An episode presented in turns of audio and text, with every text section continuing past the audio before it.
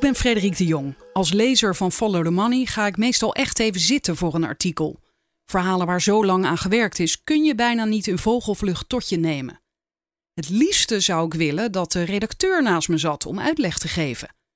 En dat is nu het geval. Spreek hem eens in. Frederik vraagt door. De podcast van Follow the Money.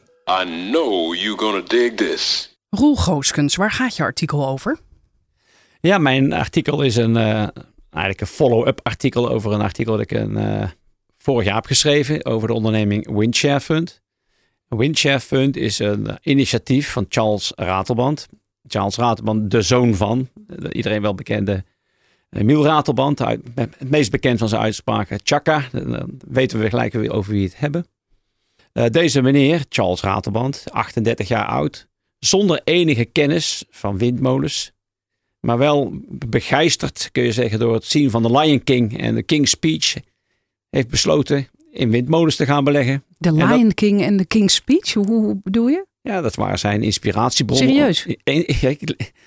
Ik, zeg het zonder een glimlach, maar ik moet me ook inhouden. Maar er staat echt in zijn cv, begeisterd door de Lion King en de King's Maar Speech. begeisterd om te gaan ondernemen daardoor? En om iets duurzaams te gaan doen. Oh, Vanwege het oerwoud, denk ik. Ik weet het niet. Oh ja, ja, Lion King in het oerwoud. De King's Speech is, eh, heeft denk ik over, heeft, is een inspiratiebron voor me. Hij heeft ook een, een, een licht spraakgebrek, de heer Charles Oké. Ratelband.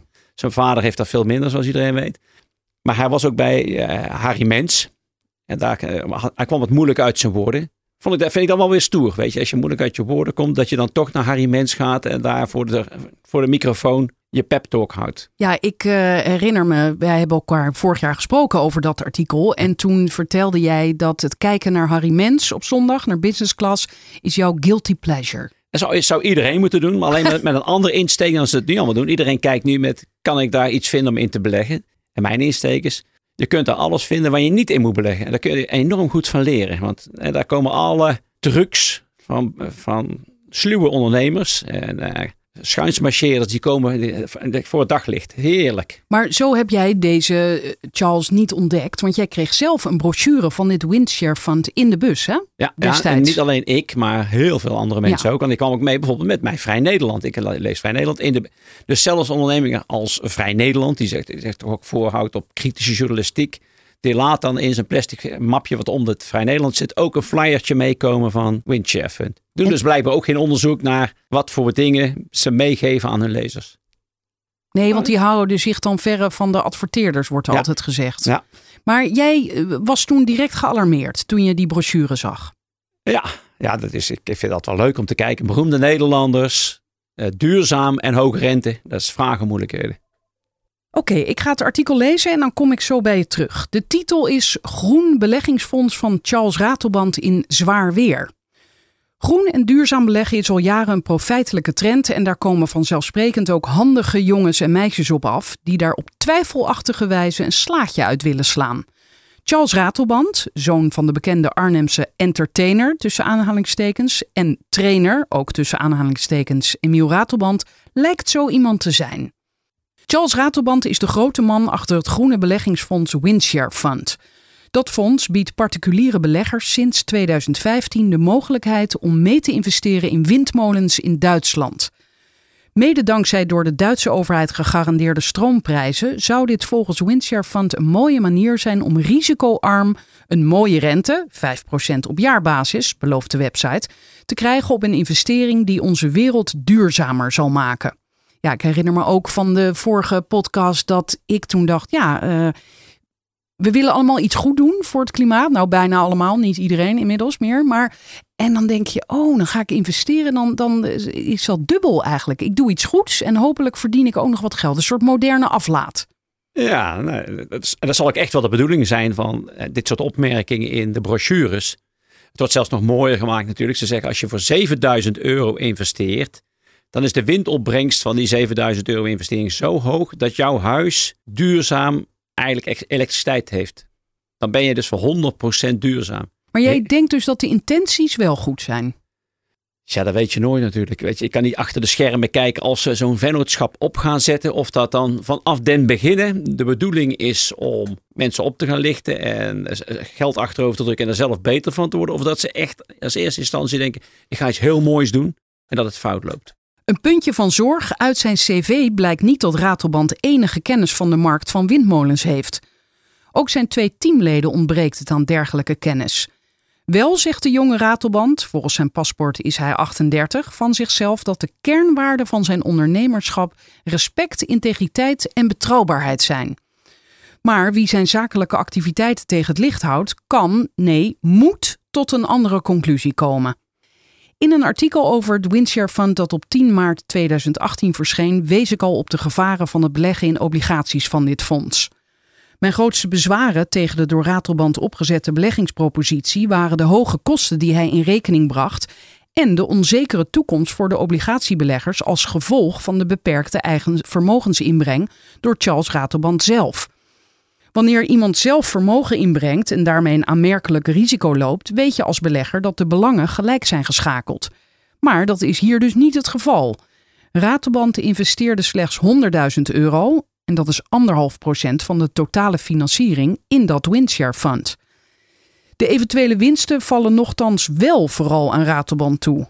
Daarnaast ontvangt hij per windmolen een management fee van ruim 30.000 euro. En dat is 5% van de omzet per windmolen per jaar. Dit terwijl de risico's voor het overgrote deel bij de obligatiebeleggers liggen. Even kijken, jij spreekt hier ook van Windshare Fund 1. Er zijn er meerdere. Er zijn er één twee, drie. En, en vier staat in de stijgers. Vier staat in de stijgers. En hoeveel molens zit er in één zo'n fund? Uh, Windchef Fund 1 zit er één. En dan hebben Windchef Fund 2 en 3 hebben er samen twee, geloof ik. Het gaat natuurlijk om dat deze man, man poogt natuurlijk om tot Windchef 100 te komen als het lukt.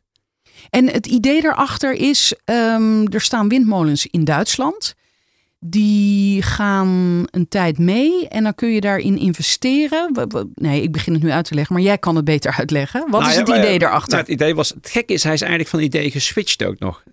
Mijn, hij wil ook niet toegeven waarom, maar hij zou eigenlijk eerst tien jaar oude windmolens kopen voor een bepaald bedrag. En die zou hij dan nog 10 of 20 jaar in dat fonds laten. En dan zou je op basis van de windopbrengsten, zou je rente betaald worden. En op het eind zou dan de verkoopopbrengst van die windmolen op het eind van zijn leeftijd nog genoeg zijn om ook jouw leninghouder nog af te lossen. Dat was eigenlijk het oorspronkelijke propositie. Hij is nu overgestapt op de aankoop van nieuwe windmolens. Die door iemand dan worden weggezet, door, zeg maar door een windprojectontwikkelaar. Hè, zo moet je dat denk ik zien. Dan koopt hij van die windprojectontwikkelaar een kant-en-klare molen draaiend. Met een bepaalde wind, uh, windvoorspelling heet dat dan. Hè. En dan op basis van die windvoorspelling en de gegarandeerde kilowatturen heb je de gegarandeerde opbrengst. En daartegenover zet je kosten. En als dat dan mee, mee zit, dan blijft er nog wat over. Maar dit, dit klinkt mij nog niet zo vreemd in de oren. Nee, mij ook niet. Oké, maar wat jij wel vreemd vindt, is dat hij zelf maar anderhalf procent mee investeert. Dat is het eerste, weet je. Het is een, een, een windmolen kopen met 99% vreemd vermogen. Dat is vage moeilijkheden. Dat geldt voor elke investering al hoe groot garantie ook zou zijn, maar dan ben je al gelijk een hedge fund. Iets, en een hedge fund is iemand die met veel risico investeringen doet. Als het fout loopt, kan het heel erg fout lopen. Gaat het goed, kun je heel veel verdienen. Maar bij welk percentage zou jij iets gerustgestelder zijn? Nou, ik denk als je 10 of 15 procent vermogen erin zou brengen zelf. Maar dan praten we in één keer in plaats van 100.000 euro, een miljoen euro. Daarmee zou hij dan aangeven aan de andere beleggers dat hij er echt in gelooft. Ja, maar het probleem is natuurlijk bij meneer Ratelband is, hij heeft geen geld. Hij moet dat geld van anderen halen. Dat is ook altijd het probleem natuurlijk. Mensen hebben goede ideeën. Althans, ze verkopen een goed idee. Alleen ze hebben geen geld. Dus ze halen dat geld bij anderen, maar ook bij de banken bijvoorbeeld. Hè? Die doen er ook aan mee. Ja, een bank heeft een, een, een hele rare rol hierin natuurlijk. Die, die, die voorzien in 70 tot 80 procent van de financiering. Maar die hebben één groot voordeel ten opzichte van die arme obligatiebelegger. Ze hebben de windmolen als onderpand.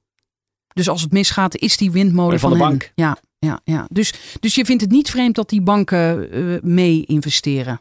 Nou, mee investeren, die financieren mee. Ja, sorry, financieren, ja. Maar met, met onderpand en, en die hebben ook, het, ook, je hebt dan de gegarandeerde opbrengst natuurlijk dankzij subsidies. De subsidies voorzien erin dat die windmolen een vaste prijs per kilowattuur op gaat leveren voor 20 jaar dankzij subsidiebeleid in Duitsland. En wat jij hier nou schrijft is, want we zijn nu bijna een jaar verder, de risico's mogen er wezen. Er is een jaar verstreken sinds de publicatie van mijn eerste analyse en de problemen stapelen zich op. De obligatiebeleggers moeten voor hun geld, 9,45 miljoen euro, vrezen. Dat geld is reeds verdampt. Nou, wat er gebeurd is natuurlijk, is dat onze vriend Charles is uh, een beetje onhandig geweest. Althans, voor zover ik kan zien, ik, ik druk het uit als onhandig. Ik wil ik zeggen, hij is bewust foutief bezig geweest. Maar er is van het obligatiegeld al ruim 30% uitgegeven aan consultants, aan hemzelf. De kostenoverschrijding was bijvoorbeeld voor reis- en representatiekosten 50 tot 100.000 euro. Ik kon niet eens precies zeggen. 50 tot 100.000 euro meer uitgegeven aan reis- en representatiekosten. Denk ik, hoe vaak ben jij over de grens van Arnhem naar Duitsland gereden? En hoe vaak heb je dan. dat kosten? Ja, in wat voor auto heb je dat afgelegd? Of ben je met vliegtuig gegaan van Arnhem naar de andere kant van de grens? Maar mensen stellen die vragen niet. Mensen lezen niks. Weet je, de, de gemiddelde belegger zal geen informatiememorandum lezen, een geüpdate informatiememorandum. Als wij hier er niet zo over spreken, het is ook te klein voor de kranten, dan gebeurt er helemaal niks. Nee, inmiddels, ik wilde dat eigenlijk pas aan het eind doen, maar je hebt een heel aantal reacties onder je artikel. Ook van mensen die inderdaad hierin belegd hebben en die door jou zijn wakker geschud. Ja, ja, ja. Maar wat zeggen zij?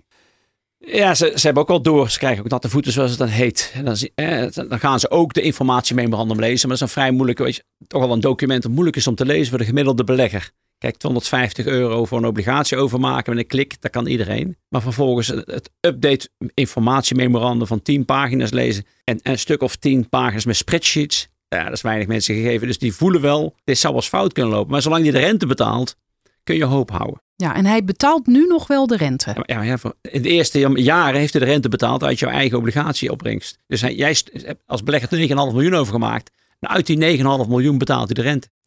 Ja, dat kon er nog wel van af. Dus vooralsnog is het ruim 30% van het geld in obligatiebeleggers al verdwenen aan allerlei kosten. Een van de redenen om meer dan gemiddeld argwaan te hebben is dat het bedrijf geen jaarverslagen publiceert. Dat is des te opvallender omdat een van de nieuwe teamleden, Arnoud Ammerlaan, registeraccountant als titel draagt. Ik heb Windshare Funds sinds mijn artikel diverse malen gevraagd waar de jaarverslagen van de verschillende Windshare Funds bleven. De onderneming verzekerde mij elke keer dat het binnenkort zover zou zijn. Op 13 augustus vorig jaar ontving ik de volgende reactie. Geachte heer Gooskens, dank voor uw bericht. Wij werken er hard aan om de jaarverslagen zo snel mogelijk te realiseren. Op dit moment zijn we bezig met de afronding. Wanneer een en ander gereed is, zullen de jaarverslagen beschikbaar worden gemaakt. Met vriendelijke groet, Team Windshare Fund. Hij is dus niet langer alleen, want ik meen dat vorig jaar dat hij het allemaal in zijn eentje deed. Nee, hij heeft altijd al één vriend gehad. Die ook een enorme goede achtergrond heeft om windmolens te kunnen investeren. Want die is uh, jurist en historicus. Ja, je zit erbij te lachen, maar dit is, de, is, triest. is dit nou pure oplichting? Nou ja, kijk, er is altijd natuurlijk een kleine kans dat het allemaal nog goed komt. Dat zeg ik al, dus ik, ik heb ook niet 100% visie, maar ik, 99% kans dat dit fout gaat lopen. Maar het is natuurlijk heel raar dat je met een vriend, ik noem het maar dan een vriend, een jurist, historicus, en dan sta jij jezelf geïnspireerd door de Lion King en de King's Speech, mensen gaat overhalen met foldertjes om te gaan beleggen in windmolens waar je nul verstand van hebt, waar je vervolgens, maar daar komen we dan direct nog wel even op, door allerlei taxateurs die jou niet serieus nemen natuurlijk, ook nog neergelegd wordt. Dat vind ik dan wel mooi, dat de, de, oplichter zelf ook wordt opgelicht. Ja, en jij wil ze dan nog het voordeel van de twijfel geven. Dat wil zeggen, eh, jij vraagt dan, laat mij de jaarverslagen dan zien. Dan kan ik meekijken. Maar daar zijn ze ontzettend hard mee bezig, maar die komen maar niet af, kennelijk. Nou ja, als ik vorig jaar dus in augustus vraag, wanneer komen die jaarverslagen, dan zeggen ze dus, en die opmerking kun je lezen, binnenkort. Het leuke is nu, nou hebben ze in januari een soort trading update uitgebracht. We kunnen, komen we direct nog op terug over waarom hij dat gedaan heeft. Maar daarin schrijft hij ook weer de jaarverslagen komen binnenkort. Oh ja. dus de grote vraag is, is die belofte iets waard? Ja. Want, schrijf jij hier, we zijn inmiddels zes maanden verder en nog steeds is er geen jaarverslag gepubliceerd. Het niet tijdig publiceren van een jaarverslag is volgens het burgerlijk wetboek een economisch delict en kan leiden tot aansprakelijkheid van de directie in geval van financiële problemen. En dat er financiële problemen zijn, blijkt wel uit de zogenoemde market update, die Windshare Fund op 31 januari van dit jaar publiceerde over de stand van zaken bij de diverse funds. De organisatie wordt geplaagd door kostenoverschrijdingen, tegenvallers in de omzet en neerwaarts bijgestelde lange termijnprognoses. Dus dit vertellen ze wel aan de beleggers. Ja, ja ik, dat vind ik dan wel mooi. Dan ga ik me afvragen, waarom na al die jaren, de eerste funds gestart in 2015, kom je dan in januari 2019 met een market update. Onder druk van welke omstandigheden heb je besloten om in ieder geval voor een gedeelte met je billen bloot te gaan? En wat denk je? Misschien dat de AFM hem eens gebeld heeft om eens te zeggen, hoe staat het ermee? En, en kom er snel met een, een update voor je beleggers. Zou kunnen. Maar, dat, Maar de AFM die kijkt toch niet naar beleggingen onder de 5 miljoen euro? Nee, dat is dan de fout die gemaakt wordt. De AFM zegt dat je geen vergunning nodig hebt om geld op te halen onder de 5 miljoen euro. Oké, maar ze doen wel af en toe even Nou een check. nee, nou komen er nog. Behalve als die entiteiten die minder dan 5 miljoen ophalen, gemanaged worden vanuit één centrale entiteit, want dan wordt het bij elkaar geteld en dan zou de AFM wel toezicht uit moeten oefenen. Dus in dit geval, waarbij die, al die windchef fund bij elkaar 9,5 miljoen hebben opgehaald, kan de AFM zich in principe niet verschuilen achter zijn niet-toezichthoudplicht. Oké, en dat kon vorig jaar nog wel, want toen was die 5 miljoen nog niet bereikt. Nou, dit was hij ook al bereikt. Maar de AFM, ik heb het wel bij meer fondsen gezien. Die grijpt pas in bij dit soort affaires als iemand, als er maar genoeg mensen gaan klagen. Kijk, ze zullen zich het liefst onttrekken aan hun verplichtingen, want dat kost allemaal tijd en geld. Ehm, jij schrijft dan de kostenoverschrijdingen zijn als volgt. Volgens die marktupdate waren de door Ratelband in rekening gebrachte kosten tot en met 31 december vorig jaar 5 ton voor Windshare Fund 1. Dit bedrag is 30.000 euro hoger dan voorspeld en komt overeen met 20% van de ingelegde gelden van 2,5 miljoen euro. Ja, nu ben ik jou kwijt. Maar zo ga jij door bij dat Windshare van 2 en bij 3 is er zoveel in rekening gebracht. Jij zei het al voordat we begonnen. En grote reden waarom mensen hier intrappen is, ze kunnen niet rekenen. Nou, dat geldt dus ook voor mij. Want ik zie al die getallen en dan denk ik al, oh god, nee, laat maar. Ja, ja dat, maar daar komen deze mensen dus mee weg. Dat jij niet de verhouding kunt zien tussen je 5 ton, die, die kwijtraakt zeg maar, aan allerlei kosten, van jouw 2,5 miljoen inleg. Het komt eigenlijk op neer, jij geeft iemand geld, 2,5 miljoen. En van die 2,5 miljoen maakt hij 5 ton al kwijt aan allerlei dingen. Eh, eh, Bijvoorbeeld die brochures. Al die foldertjes die jij thuis hebt gehad, die zijn betaald door iemand. Door jou. En die televisiereclames. Want Die zijn Televisiereclames. veel duurder dan die brochures. dat zijn financiële tussenpersonen die dit soort producten hebben gepromoot bij hun klanten. Die krijgen ook een vergoeding. Al van jouw geld wordt iedereen betaald. Behalve jij. Maar dan zou je kunnen stellen dat je niet zou moeten investeren in eh, fondsen waar reclame voor wordt gemaakt. Nou, waarin eh, heel veel reclame wordt gemaakt voor, eh, in verhouding tot een relatief kleine opbrengst. Ja, ja. Kijk, hier, ja. Hier werd van een emissie van de eerste emissie was 2,5 miljoen euro. Er werd heel veel reclame gemaakt. Dat trekt ook al gelijk maar aan. Hoe, waarom ga je nou zoveel reclame maken? Dan worden, ga je heel veel kosten maken om een relatief klein bedrag binnen te halen. Tenzij je andere bedoeling hebt. Sluwigheid. Nou, sl- ja, sluwigheid, ja.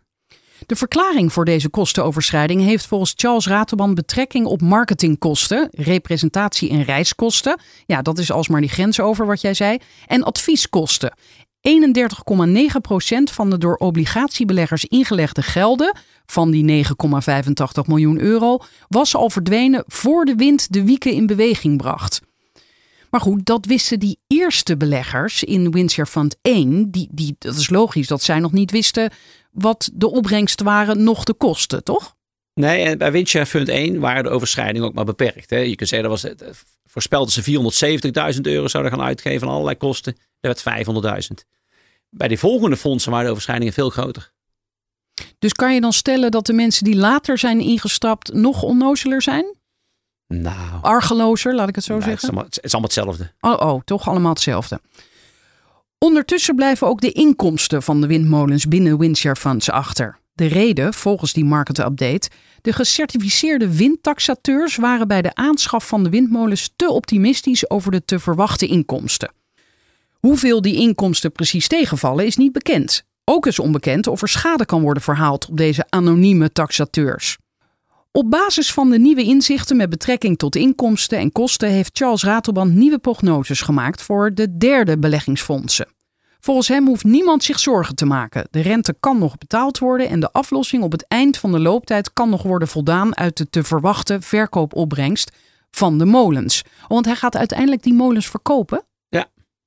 Ja, dat, dat moet wel, want op het eind moeten de obligatieleggers terugbetaald worden. Ja, dat moet ergens uit gebeuren, dus dan moet je de, wind, de windmolen verkopen. Maar zijn die molens tegen die tijd niet afgeschreven? Tuurlijk, Dus die zijn, wat zijn die dan nog waard? nul.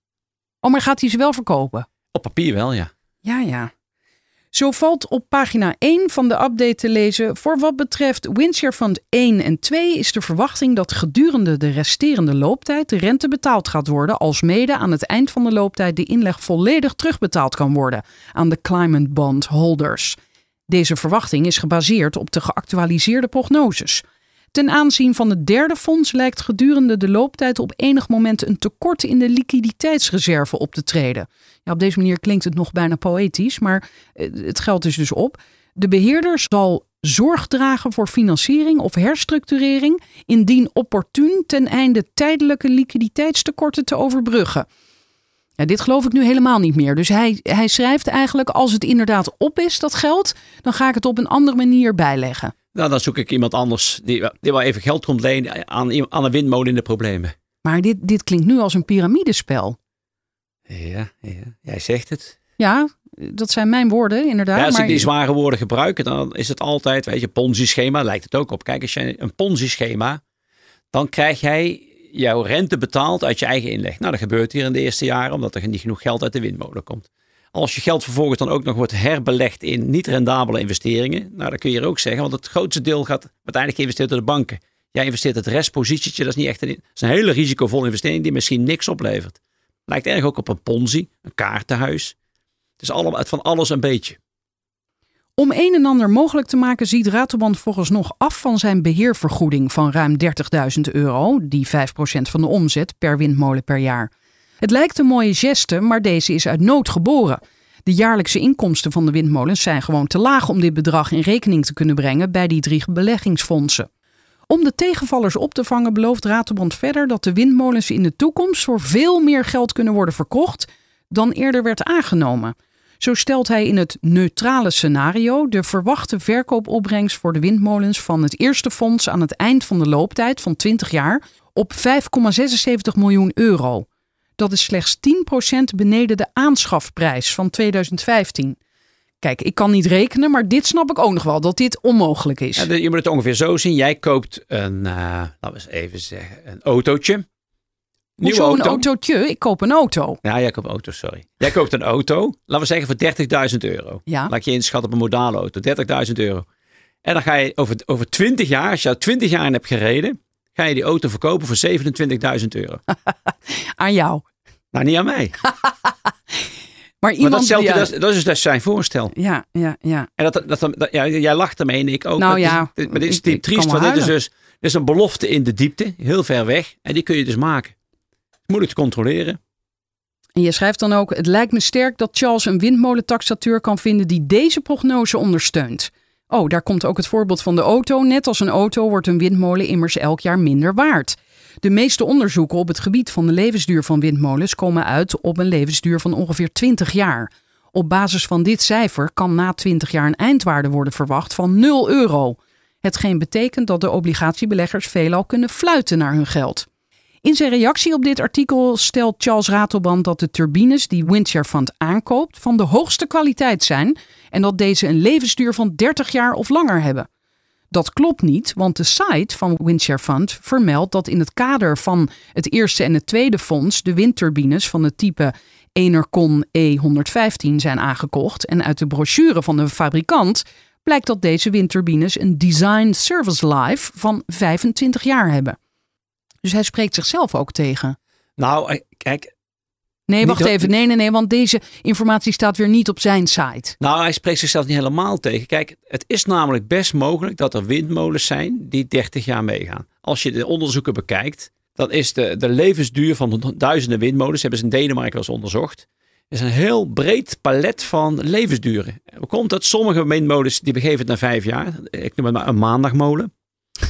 En Ja. sommige windmolens die draaien na 40 jaar nog. Het gemiddelde alleen. Net zoals met auto's, die sommige blijven ook eeuwig doorrijden. Ja, maar hij, wat hij doet natuurlijk, hij gaat zoeken naar een windmolen die zo lang mogelijk is meegaan. En dan neemt hij als voorbeeld, zo Ja. gaat het bij ons ook.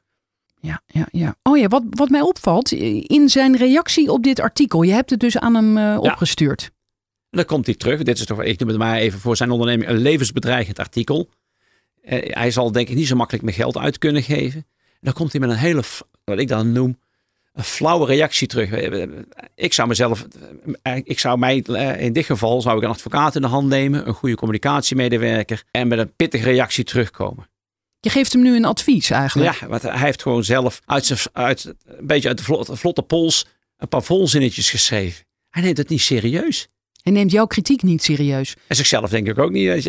Ik ben, ik ben er benieuwd of hij dan hè, met het opstellen van een jaarrekening net zo nonchalant is. Ja, dat zal wel, denk ik, want zo lang gaat het al. Zonder Maar goed, en, en dat kan hij ook doen, want de jaarrekeningen, A is hij niet verplicht om ze te maken, toch? Hij is verplicht om Oh jaarrekening. wel, oh ja wel, want anders is het een economisch delict. Dat elf maanden, net. Ja. zeg maar zo ongeveer elf maanden na afloop Ja. van een boekjaar moet hij een jaarrekening hebben. Oké, maar niemand gaat die jaarrekening controleren, behalve jij dan. Maar verder niemand, toch? Nou, het, het, het probleem voor hem zal zijn, er komt als, er geen, als hij geen accountant kan vinden die zeg maar, zijn constructies goedkeurt, krijgt hij geen jaarrekening. Dat is ook even de reden natuurlijk dat die jaarrekening er niet is. En hoe lang kan hij dit volhouden? Nu dus al vier jaar. Maar eh, hoe lang gaat het duren voordat hij gewoon op basis van dat feit, het feit dat hij geen jaarrekeningen kan overleggen, eh, moet stoppen? Dan moeten de, de, de, de gemiddelde beleggers, of tenminste de gemiddelde, de beleggers in die obligaties, die climate bonds van eh Windshare Fund, massaal brieven sturen naar de AFM. En dan gaat de AFM, gedwongen door de massaliteit van het aantal klachten, dus een onderzoek starten bij eh Windshare Fund. En dan wordt hij door de AFM, die gaat dan een deadline stellen. En wanneer hij zijn jaarverslag af moet hebben. Goedgekeurd en al. En zo niet, als het er niet is, ja, dan eh, heeft hij een probleem. Ja, ik denk eigenlijk dat, dat hij het inderdaad onderschat. Ook op basis van het feit. Kijk, deze podcast wordt inmiddels door eh, gemiddeld 2200 mensen beluisterd. Dat is hartstikke leuk, maar dat, dat zijn geen massa's. Dus hij denkt, ja, dat follow the money, klein clubje, zal mijn tijd wel duren. Ja, en, en, en vooralsnog heeft hij die 9,5 miljoen euro, minus 3 miljoen, heeft hij nog natuurlijk om mee te spelen. Ja, en dan kan hij ook laten zien, mensen, jullie krijgen gewoon je, je rente. Ja, het, het- ik zeg al, het probleem is, zolang er geen jaarverslagen zijn, kan ik niet veel meer dan wat hij uitbrengt aan informatie van kritiek voorzien. Ik, maar het probleem is, zolang er geen goedgekeurde jaarverslagen zijn, ben ik eigenlijk bezig op drijfstandcijfers mijn meningen te vormen. Ja, En die zijn al heel negatief en dat zijn ook dan hoogstwaarschijnlijk zijn meest optimistische visies. Ongelooflijk. Nou, jij schrijft dat eh, verdergaand op inderdaad eh, dat hij zegt... ja, maar die windmolens van mij die hebben een levensduur van 30 jaar of langer. Dan schrijf jij daarna ook voor Windshare van 2 en 3... zijn soortgelijke absurde verhogingen van de opbrengsprijs... bij verkoop van de windmolens doorgevoerd in de nieuwe prognoses. In de geactualiseerde prognoses wordt geen rekening meer gehouden met algemene kosten... bijvoorbeeld voor accountants en juridisch fiscaal advies... van ruim 30.000 euro per jaar... Waarom deze kosten in de toekomst geen rol meer spelen, wordt niet toegelicht. Wellicht verwacht Charles dat hij ook de komende 20 jaar geen jaarverslagen zal publiceren. Via info.ftm.nl kwam ik in contact met een belegger in obligaties van Windshare Fund. Hij stelde na het lezen van de market update van het fonds het volgende. Dag Roel, ik lig niet wakker van die 500 euro die ik in het fonds gestoken heb. Het bedrag ben ik kwijt op een paar tientjes na. Mijn financiële situatie is verder goed, tussen haakjes pensioen, slash vermogen, slash lage vaste kosten. Ik had al eerder geld in windmolens gestoken en dat ging allemaal goed. Bij dit fonds heb ik niet goed uit mijn doppen gekeken en is het dus mijn eigen schuld. Maar dat neemt niet weg dat het Windshare Fund misbruik maakt van de goede bedoelingen van mensen. Ook nog waarschijnlijk bij mensen die het geld niet kunnen missen. Ik kan er verder weinig aan doen, maar ik hoop dat ze ontmaskerd worden en gedeeltelijk van hun maatschappelijke status beroofd worden zodat ze alleen nog onder de legale criminelen aanzien hebben. Legale criminelen, maar niet meer bij integere mensen. Dat is het wel. Nog een interview nodig met een vriendelijke groet. En dit is niet de enige reactie die je hebt Nee, gekregen. nee, nee. Ik heb er nog, nog een aantal meer gehad. Ja, ja. Als ik de geactualiseerde prognoses van die drie windfondsen van Windshare Fund bekijk, krijg ik sterk het gevoel dat is toegewerkt naar een uitkomst die nog net positief uitpakt voor de obligatiebeleggers. Het lijkt mij zinvol als Charles deze prognoses door een accountantskantoor laat narekenen en laat voorzien van een goedkeurende verklaring. Over narekenen gesproken, in de market update wordt gemeld dat de gecontroleerde jaarrekeningen de komende tijd worden gepubliceerd. Welke accountant die controle gaat doen is echter niet bekend. EY is in een eerdere fase al afgehaakt. Een veeg teken, hoewel je bij de keuzes van EY doorgaans natuurlijk ook grote vraagtekens kunt zetten. De accountant is de laatste tijd regelmatig in opspraak en we kennen EY op FTM nog goed van het dossier Henry Keizer. Voor het ontmaskeren van dit soort gedrag kun je mij contacteren via info.ftm.nl en voor verdere maatregelen moet je bij de toezichthouders zijn. Ik kan obligatiebeleggers in Windshare Fund 1, 2 en 3 dan ook van harte aanbevelen om zich massaal bij de AFM te melden en te vragen in te grijpen bij Windshare Fund. Wellicht dat bij tijdig ingrijpen nog een deel van de inleg kan worden gered. Ja, het klinkt echt zo van, nou, en als jullie dat niet willen horen, dan, eh, Heb je pech en ben je stom geweest? Nou ja, ik, eh, voor mij, ik heb verder geen machtsmiddelen. Zoals Nee. Ik ben een analist. Ik, ik, ik analyseer de situatie. Ik adviseer mensen nu wat ze kunnen doen. Maar ik kan, geen, ik kan moeilijk met de gele hesjes naar de, in Arnhem, naar het hoofdkantoor van Charles Raterband gaan. Zou ik niet doen, maar dat zouden de, de beleggers dan zelf moeten doen. Maar als ze uiteindelijk ook moeten doen, kijk, die, die ingezonden brief zegt het al wel, dat hij zich heeft laten lokken door duurzaamheid. Maar hij vergeet één ding te melden. Hij heeft zich ook laten lokken door 5%. Ja. En daar is het ook de fout. Kijk, de belegger speelt natuurlijk zelf ook een rol in het geheel. We, we zijn allemaal hebzuchtig als Nou, de mensen. rente is op dit moment nul. Alles wat beter is dan de nul banken, heeft onze, ja. aan, heeft onze aandacht. Ja, ja, ja. Net dus als iemand direct eh, zegt, weet je wel, ik eh, ga een project beginnen. Ik noem maar iets geks. Ik ga vuilnisbel te beginnen in eh, Midden-Afrika en ik betaal een rente van 8. Dan zeggen mensen, oh dat is goed, dat is duurzaam, doe maar. Ja. Die 8 is zo belangrijk geworden. Even, niet het onderwerp meer. Wat je ook gaat doen als je maar een hoge rente biedt. Nou ja, niet wat je ook gaat doen, dan juist extra als het ook nog duurzaam lijkt te zijn. Hè? Dan Ja. voel je je extra eh, goed. ik heb al, bij economie is mij vroeger ook wel eens geleerd. Een hoge rente is beter voor de economie dan een slechte rente. Als de, want als de, naam de, de rente hoog is, word je gedwongen efficiënt te investeren. Bij een lage rente zak je al heel gauw af van allerlei inferieure beleggingsmogelijkheden. Ja, je bedoelt een hoge rente voor bedrijven die geld nou, in het algemeen, lenen. als de rente in de, in de markt hoog is, laten we zeggen, als een spaarrente 10% zou zijn, zou Charles Raadband echt niet, als niet, niet kunnen werken. Nee, want omdat dan zeggen, zetten mensen gewoon hun geld Ja, op de Maar als de rente nul is, Ja. of dicht daarbij, nou ja, dan zijn, dat dan zijn toen, eh, voorstellen van 5% natuurlijk heel aantrekkelijk. Ja, de iSafe moet ik dan dan denken. Die bood destijds ook 5%, meen ik. Daar had ik me ook heel enthousiast voor aangemeld. Dankzij mijn luiheid ben ik eh, daarvan gevrijwaard. Want je moest nog iets ondertekenen en terugsturen. En dat had ik niet op tijd gedaan. Hè, later bleek dat de overheid dat geld, eh, die stond er garant voor. Maar dat was natuurlijk ook één groot eh, hebzuchtig geheel. Nou, het gekke was natuurlijk bij iSafe, als je genoeg in de situatie had verdiept en wist dat iSafe onder het Europees toezicht van het bankdeposito viel, dan kon je het wel een bedrag tot 35.000 euro had je makkelijk kunnen beleggen bij iSafe. Tot 100.000 toch? Ja, achteraf hebben ze toen verhoogd natuurlijk. Dat is Oh ja. geleidelijk aan toen verhoogd vanwege de problemen. Maar als je tot 100.000 in iSafe had, dan zou ik zeggen dat kan ik best. Ja. Gekke was, dat was het risico helemaal niet zo hoog achteraf gezien. Omdat dat de dekking was van de, van de Nederlandse bank. Maar bij een bedrijf als eh, Ratelband krijg je geen dekking. Je staat er alleen voor. En als er nu mensen zijn die, die denken, ja, ik heb dus niet in dit fonds geïnvesteerd, maar wel in andere windmolens. Wat, moeten zij nu denken? Ligt aan welke, in welke constructie zij hebben belegd in, in een windmolenproductie. Ik heb bijvoorbeeld eh, diverse reacties gekregen van coöperatieve windmolenprojecten. Die zichzelf zeggen, ja, heel goed dat je dit schrijft, want wij hebben als coöperatieven met de beste bedoelingen heel veel last van die cowboys. Zo noemden ze het, ik verzin het woord niet, cowboys als Charles Raterband, die een slecht imago voor, die, al die windmolenbeleggingen bezorgen. Dat kan. Ik, denk als je die coöperaties bekijkt, daar zijn er heel veel, eh, daar gaat er redelijk wat geld om, coöperatieve windmolens. Zolang daar sprake is van voldoende kundige vrijwilligers die tegen lage kosten die windmolenparken beheren en eh, administreren, is daar helemaal niks tegen. Ik denk dat dat kan. En over wat voor rendementen hebben we daar dan? Weet jij dat? Ook 5%. Oh, 6%. wel. Maar dat, dat rendement komt tot stand met name, eh, en soms nog wel meer dan 5 tot 6 procent, omdat er een heleboel werkzaamheden gewoon gratis worden gedaan.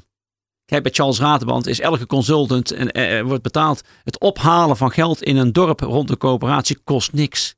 Als Charles Ratenband 2 miljoen ophaalt, dan kost dat, hebben we net gezien, 30 procent. Ben je 600.000 euro van die 2 miljoen kwijt. Die coöperaties hebben een enorme voorsprong als ze zonder kosten geld op kunnen halen en als ze relatief tegen lage kosten die windmolens kunnen beheren.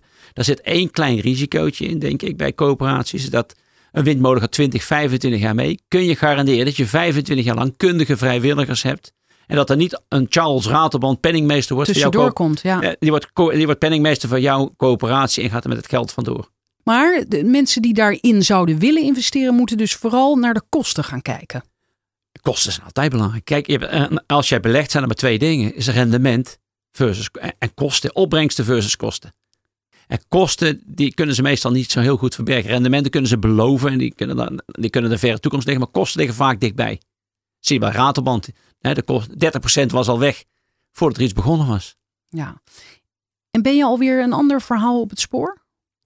Ik, ben, eh, ik heb er nog, nou niet tientallen dan overdrijf ik, maar ik kan ze niet op mijn twee handjes tellen. Het aantal voorstellen die ik nog moet gaan bekijken. En die al lopen van windmolenprojecten, zonneparken. Met allemaal soortgelijke investeringen. Vaak ook met beroemde Nederlanders erachter. Of uh, discutabele projectontwikkelaars. En hoe kies je dan uh, waar je in gaat duiken?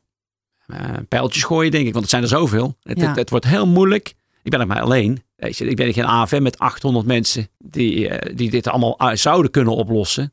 Stuur je wel eens een mailtje aan de AFM van mensen, kijk hier eens naar. Ja, ik, ik, stuur mailtjes, maar dat is erg onbevredigend. En de AFM, ik zou het niet weten, misschien dus iets anders moeten doen, maar je krijgt nooit iets terug. Hmm. Dus je kunt, maar ja, ik, ik beleg er ook niet in, hè, dus ik verlies er niks aan. Ik hoef de AFM niet in te lichten.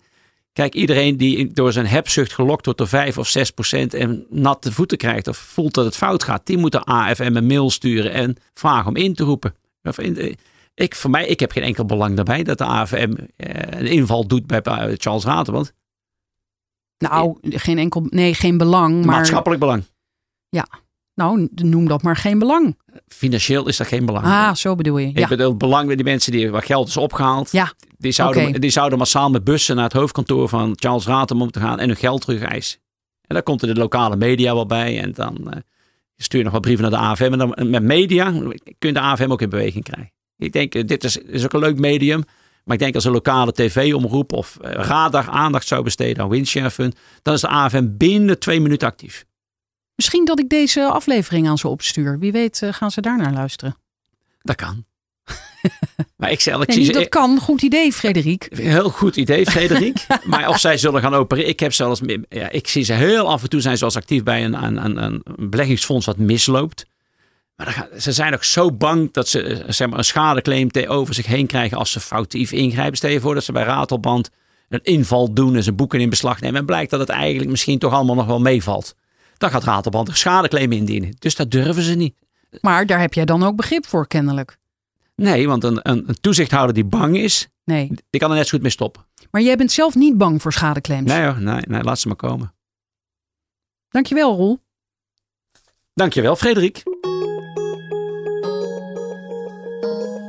Wil je weten wanneer een nieuwe aflevering online staat? Schrijf je in voor mijn nieuwsbrief. Die vind je bij ftm.nl/slash Frederiek.